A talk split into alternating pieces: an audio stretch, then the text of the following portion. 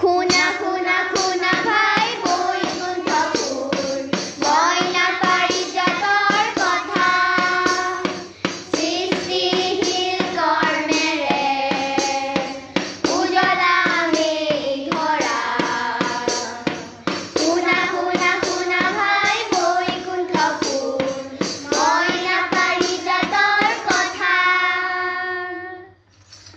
তোমালোকে যোৱাবাৰ ধুনীয়াকৈ আবৃত্তি কৰিছিলা হয় নহয়?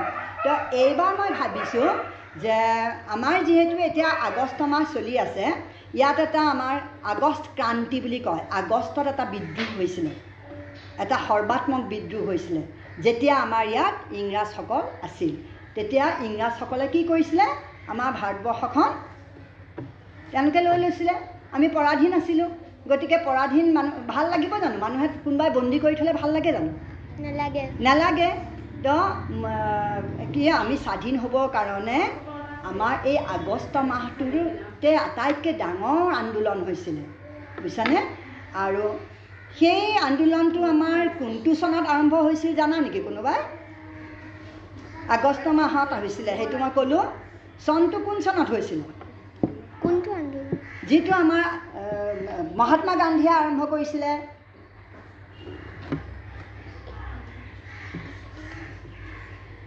কোন কোনটো চনত কোৱা? Nineteen forty two. অঁ ঊনৈছশ বিৰাল্লিছ চন। নাইনটিন ফৰ্টি টু মানে অসমীয়াত কি? ঊনৈছশ বিৰাল্লিছ চন। আৰু সেই সময়ত কি হৈছিল? তাৰ আগত বহুত আন্দোলন হৈছিল আমাৰ। বুজিছানে? কিন্তু লাষ্টত আমাৰ মানে একদম অশান্তি যেতিয়া লাগিলে তেতিয়া গান্ধীজীয়ে কি বুলি নাৰা লগাইছিলে কি বুলি কৈছিলে? গান্ধীজীয়ে কি কৈছিলে? মনত কৰিম? বা কৰিম অঁ তাৰমানে হিন্দীত কি কৈছিলে? মাৰেংগে। অসমীয়াত হৈছে কৰিম বা মৰিম। আৰু এই আন্দোলন আমাৰ অসমৰ মানুহেও জঁপিয়াই পৰিছিল আমাৰ অসমখন কেতিয়া বাৰু ইংৰাজৰ তললৈ গ'ল জানানে? অসমখন বহুত দেৰিত গৈছিল। অন্য ৰাজ্যবোৰ ইংৰাজৰ তললৈ যেতিয়া গৈছিল আহ, অসমখন বহু দিনৰ পিছতহে গৈছিল। তেতিয়া অসমত কি হৈছিল? আহোমৰ ৰাজত্ব চলি আছিল। হা আৰু কি হৈছিল আমাৰ ইয়াত? মোৱামৰীয়াসকল আহি পেলাই ইয়াত বৰ অত্যাচাৰ কৰিছিল। মোৱামৰীয়াৰ বিদ্ৰোহ বুলি কয়। তো আমাৰ অসমখন আমাৰ এই বিদ্ৰোহত অতিষ্ঠ হৈ আহোমসকলে ইংৰাজৰ সহায় বিচাৰিলে।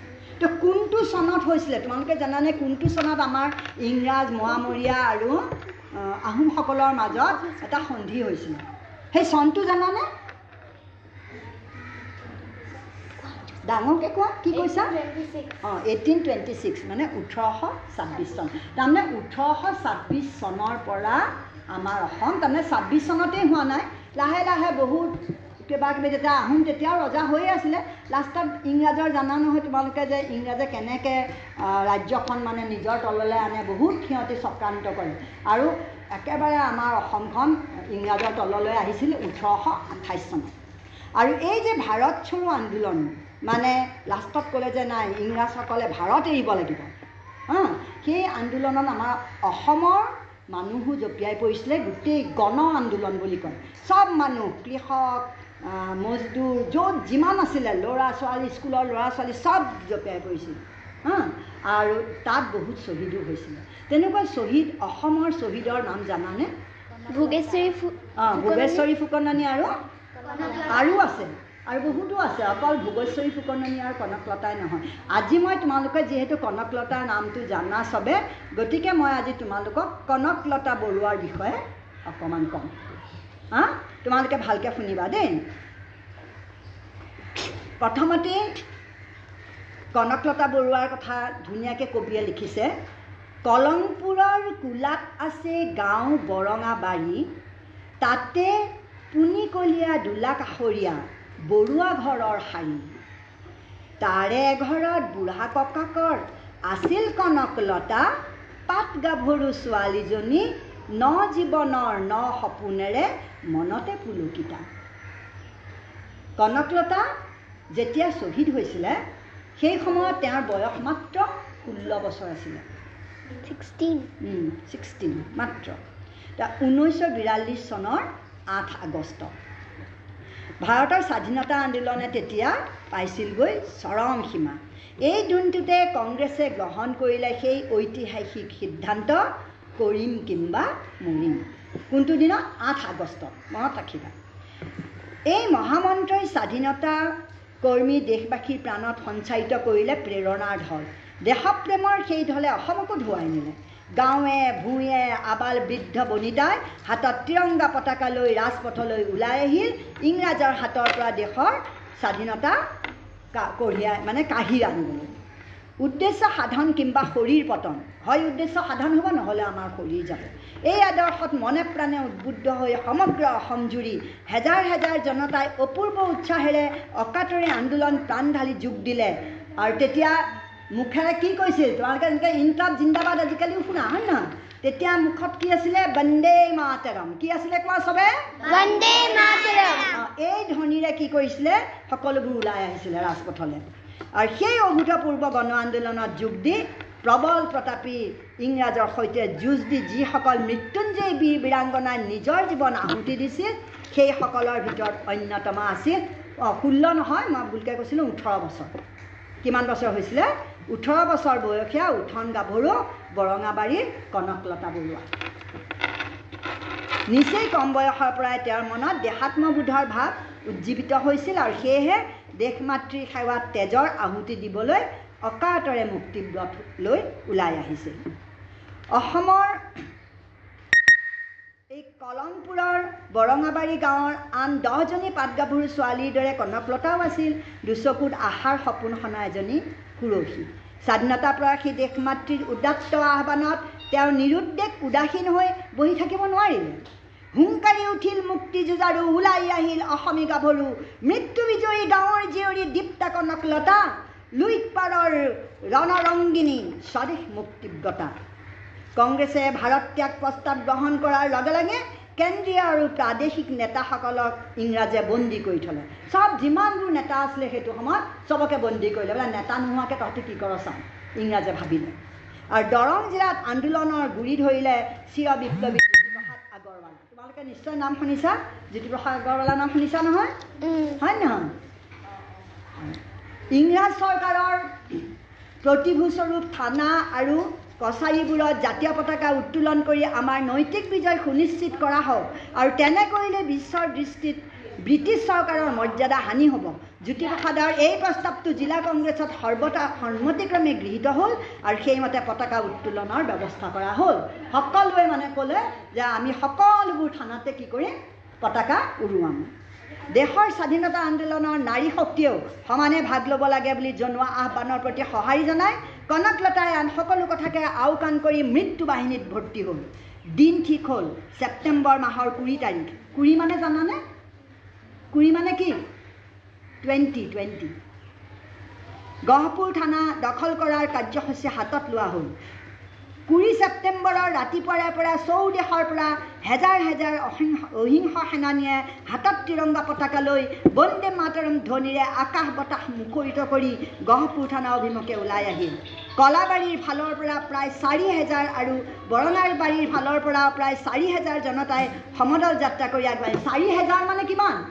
ফ'ৰ থাউজেণ্ড ফ'ৰ থাউজেণ্ড অঁ। চাৰিও দুই ফালৰ পৰা চাৰি হেজাৰ চাৰি হেজাৰ মানে আঠ হেজাৰ মানুহ আহিছে।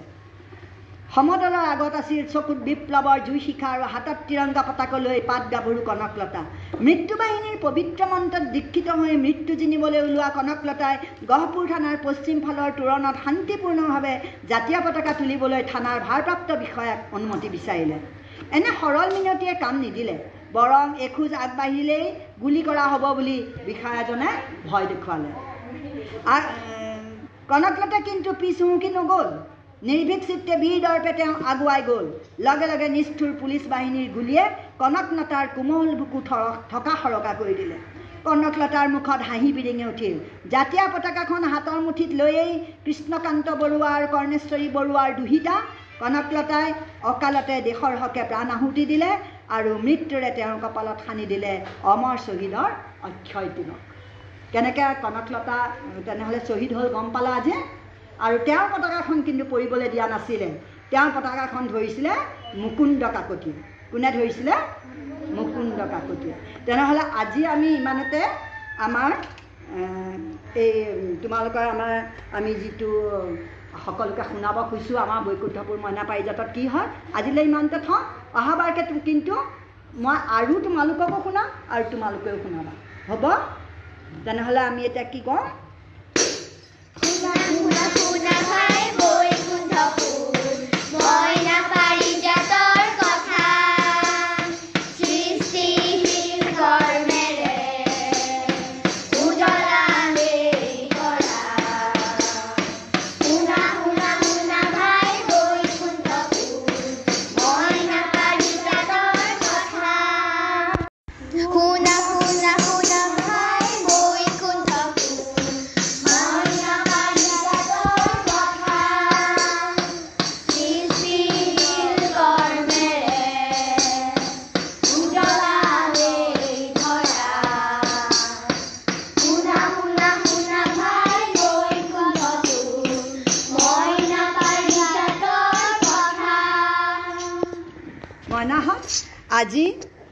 তোমালোকে কিছুমান তোমালোকে কি কি কৰিব পাৰা আজি? গাই পেলাই শুনোৱাচোন সকলোৱে ভাল পাব তোমালোকৰ কথাখিনি শুনি। নমস্কাৰ মোৰ নাম শ্ৰীমতী জিয়া লিম্বু শ্ৰীময় অসমী শীতল বুকুত উঠে উৎসৱৰ মধু আলোড়ন। শ্ৰীময় অসমী শীতল বুকুত উঠে উৎসৱৰ মধু আলোড়ন। জাগে গম্ভীৰ গিৰিবৰ প্ৰান্তৰ মনোহৰ, গম্ভীৰ গিৰিবৰ প্ৰান্তৰ মনোহৰ, সুন্দৰ বন উপবন। ভেদা ভেদাভেদ পৰিহৰি কত জাতি, উপজাতি ভেদা ভেদাভেদ পৰিহৰি কত জাতি উপজাতি মহাপীঠ কৰে নিৰ্মাণ উলাস অধীৰ সন্ধি কৌটি কৌটি কণ্ঠে গাই হবে মিলনৰ গান উলাস অধীৰ সন্ধি কৌটি কৌটি কণ্ঠে গাই হবে মিলনৰ গান হৰগৰ ঘৰা ৰূপে ৰখে ৰঙে ভৰা হৰগৰ ঘৰা ৰূপে ৰখে ৰঙে ভৰা উচ্চল যত প্ৰাণ মন সৃষ্টিৰ সুৰ বাজে প্ৰীতিৰ পতাকা উৰে সৃষ্টিৰ সুৰ বাজে প্ৰীতিৰ পতাকা উৰে নতুনক লৈ আবাহন শ্ৰীময় অসমী শীতল বুকুত উঠে উৎসৱৰ মধু আলোড়ন শ্ৰীময় অসমী শীতল বুকুত উঠে উৎসৱৰ মধু আলোড়ন ধন্যবাদ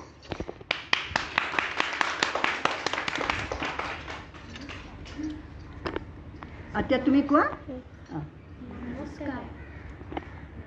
কোৱা উম, मछली जल की है रानी जीवन उसका है पानी हाथ लगाओ तो धर जाएगी बाहर निकलो तो मर जाएगी তোমাৰ নামটো কোৱাচোন তোমাৰ নামটো প্ৰিয়াংশু কোৱা বৰ্মন আকৌ এবাৰ কোৱা প্ৰিয়াংশু বৰ্মন প্ৰিয়াংশু বৰ্মন ইয়াৰ পিছত আহাচোন তুমি এটা সাধু কম কৈছিলা কোৱা নমস্কাৰ মোৰ নাম পৰিধি কলিতা আজি মই এটি সাধু ক'বলৈ গৈ আছোঁ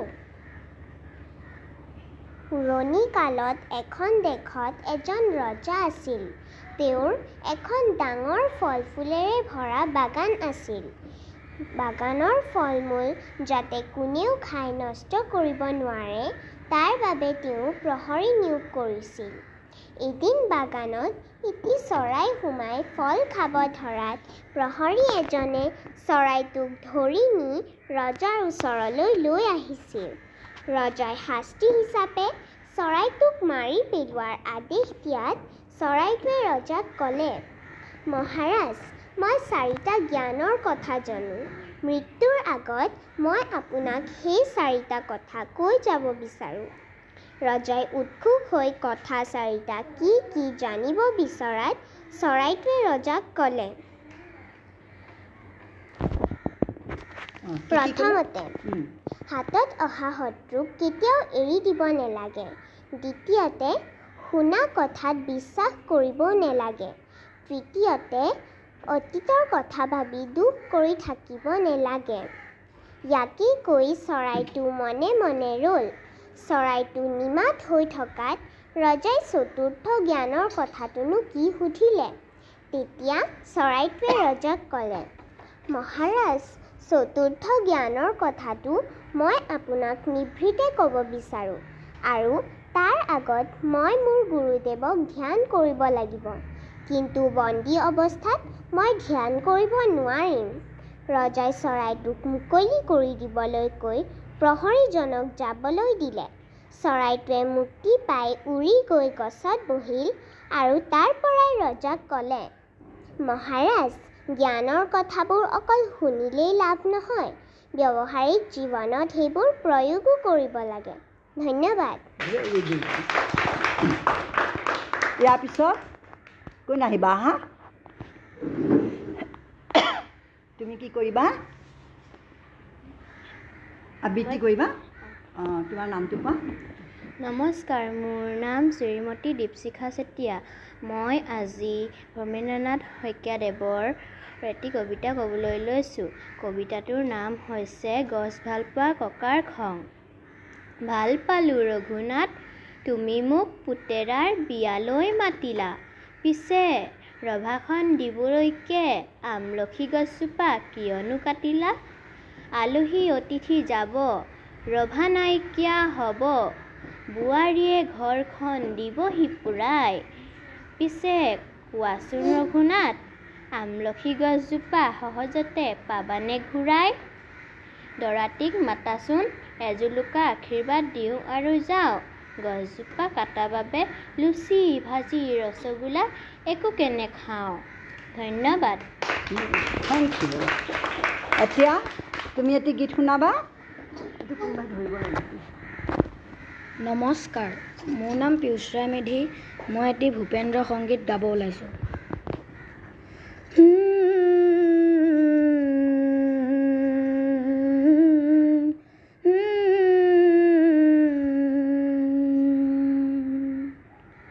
কপি উঠে কি তাজমহল কপি উঠে কি তাজমহল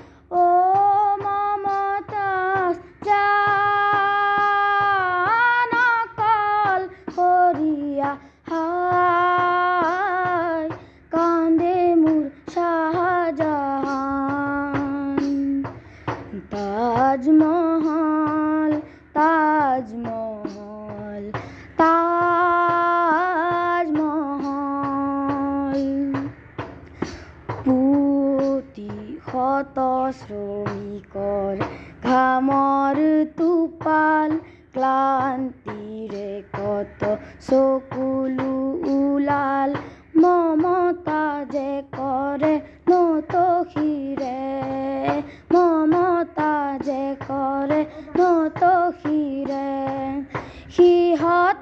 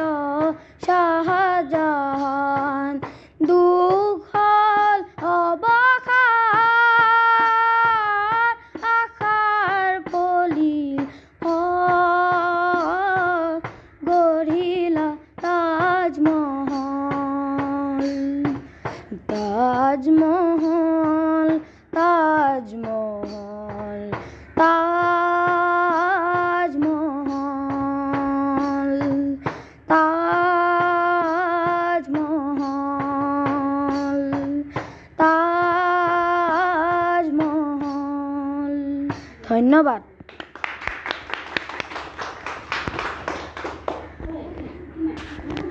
বৰ সুন্দৰভাৱে তোমালোকে পৰিৱেশন কৰিলা। আৰু কোনোবাই কিবা কৰিব কৰিবলৈ মন আছে নেকি? আৰু কোনোবাই ক'বা? আহা আৰু কোনোবাই ক'বা নেকি?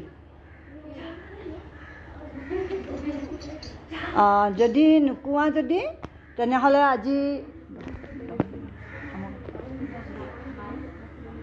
নহ'লে মই তোমালোকক এটা কাম কৰোঁ যোৱাবাৰ তোমালোকে কিহৰ ওপৰত শুনিছিলা মনত আছেনে? কনকলতা। তাৰপিছতে আৰু বিৰাল দিশা আৰু কোন আছে জানানে? অঁ ভোগেশ্বৰী ফুকননীৰ নাম শুনিছা কিন্তু কেনেকৈ কি হ'ল ভোগেশ্বৰী ফুকননীৰ ওপৰত তোমালোকে জানানে বাৰু? খালি জানা যে ভোগে ভোগেশ্বৰী ফুকননী আমাৰ কি হৈছিলে? শ্বহীদ হৈছিলে তেতিয়াহ'লে সকলোৱে ভালকৈ বহি লোৱা আৰু ভোগেশ্বৰী ফন- ফুকননীৰ ওপৰত মই অকণমান ক'ম আৰু তাৰপিছতে আমি আজিৰ কাৰণে সামৰণি মাৰিম দেই। এতিয়া ভোগেশ্বৰী ফুকননীৰ ওপৰত শুনি লোৱা ভালকৈ শুনিবা দেই। তেওঁ আছিলে বৰহমপুৰৰ। নগাঁও জিলাৰ এক ঐতিহ্যমণ্ডিত অঞ্চল। সমগ্ৰ ভাৰতবৰ্ষতে বিয়পি পৰা বিয়াল্লিছৰ গণবিপ্লৱৰ ঢৌ অসমৰ এটা অখ্যাত অঞ্চলতো বিয়পি পৰিছিল। নামটো কি আছিলে কোৱাচোন? ভোগেশ্বৰী ফুকননি থকা ঠাইডোখৰৰ নামটো কি আছিলে? এইমাত্ৰ ক'লোঁ মই। কি আছিলে নামটো? কোৱা? অঁ ভালকৈ শুনা নাই। বৰহমপুৰ। কি নামটো? কোনখন জিলাত? নগাঁও জিলাত। হেৰিটো নগাঁও জিলাত। ক'ত আছিলে বৰহমপুৰ? ক'ত আছে? নগাঁও জিলাত। বৰহমপুৰবাসী ৰাইজো আগবাঢ়ি আহিল দেশমাতৃৰ মুক্তিৰ সংগ্ৰামত অংশগ্ৰহণ কৰিবলৈ। আগবাঢ়ি আহিল পৰাধীনতাৰ লৌহ শৃংখলাৰ বন্ধনৰ পৰা দেশমাতৃক মুক্ত কৰিবলৈ। বৰহমপুৰবাসী মুক্তি সংগ্ৰামীসকলৰে এগৰাকী আছিল ভোগেশ্বৰী ফুকননী। ভোগেশ্বৰী ফুকননীৰ জন্ম হৈছিল ওঠৰশ পঁচাশী চনত তাৰমানে এইটিন এইট্টি ফাইভত জন্ম হৈছিল। স্বামী ভোগেশ্বৰ ফুকন আৰু তেওঁৰ আছিলে ছজন পুত্ৰ আৰু দুগৰাকী ছোৱালী মুঠতে আঠটা সন্তান আছিলে। আৰু তেওঁৰ এই এইখনেই আছিলে তেওঁৰ সংসাৰ। ঊনৈছশ বিৰাল্লিছ চনৰ ভাৰত ত্যাগ আন্দোলনত অংশগ্ৰহণ কৰিবলৈ ওলাই আহিল বৰহমপুৰৰ বোৱাৰী ভোগেশ্বৰী ফুকননী। ঊনৈছশ বিৰাল্লিছ চনৰ আগষ্টৰ বিপ্লৱ কংগ্ৰেছৰ বিভিন্ন কাৰ্যসূচীৰে বৰহমপুৰ শিবিৰ মুখৰিত হৈ পৰিছিল। সেই সময়ত বৰহমপুৰ কংগ্ৰেছ শিবিৰ অধিকাৰ কৰি আছিল চৰকাৰী পুলিচে। কাৰণ এইবোৰ শিবিৰবোৰ সকলোবোৰ সেইটো সময়ত ইংৰাজৰ যিবোৰ পুলিচ আছিলে সেইবিলাকে অধিকাৰ কৰি ৰাখিছিলে। ইতিমধ্যে নগাঁৱৰ পশ্চিম অঞ্চলত পুলিচ আৰু মিলিটাৰীৰ অবৰ্ণনীয় অত্যাচাৰে চৰম সীমা পাইছিলেগৈ। অত্যাচাৰ উৎপীড়ন নেওচি বৰহমপুৰৰ শান্তি সেনাসকলে পুলিচৰ হাতৰ পৰা কি কৰিলে বৰহমপুৰ সেই এই শিবিৰটো মুকলি কৰিলে। বুজিছনে? আৰু যেতিয়া এই শিবিৰটো মুকলি কৰিলে তেওঁলোকে বহুত আনন্দ লাগিলে। আৰু আনন্দতে তেওঁলোকে কি কৰিলে? ভোজ খোৱাৰ কথা চিন্তা কৰিলে। আৰু এনে কাৰ্যত পুলিচ আৰু মিলিটাৰীসকলে ব্ৰিটিছ সাম্ৰাজ্যৰ কাৰণে বিপদৰ গোন্ধ পালে। আৰু তাৰে প্ৰতিশোধ ল'বৰ উদ্দেশ্যে কেপ্টেইন ফিনিছৰ অধীনত সেই ঠাইলৈ মিলিটাৰী দল এটা পঠিয়াই দিলে। ফলত খন্তেকতে সেই আনন্দৰ থলী কৰুণ ৰণথলীত পৰিণত হ'ল।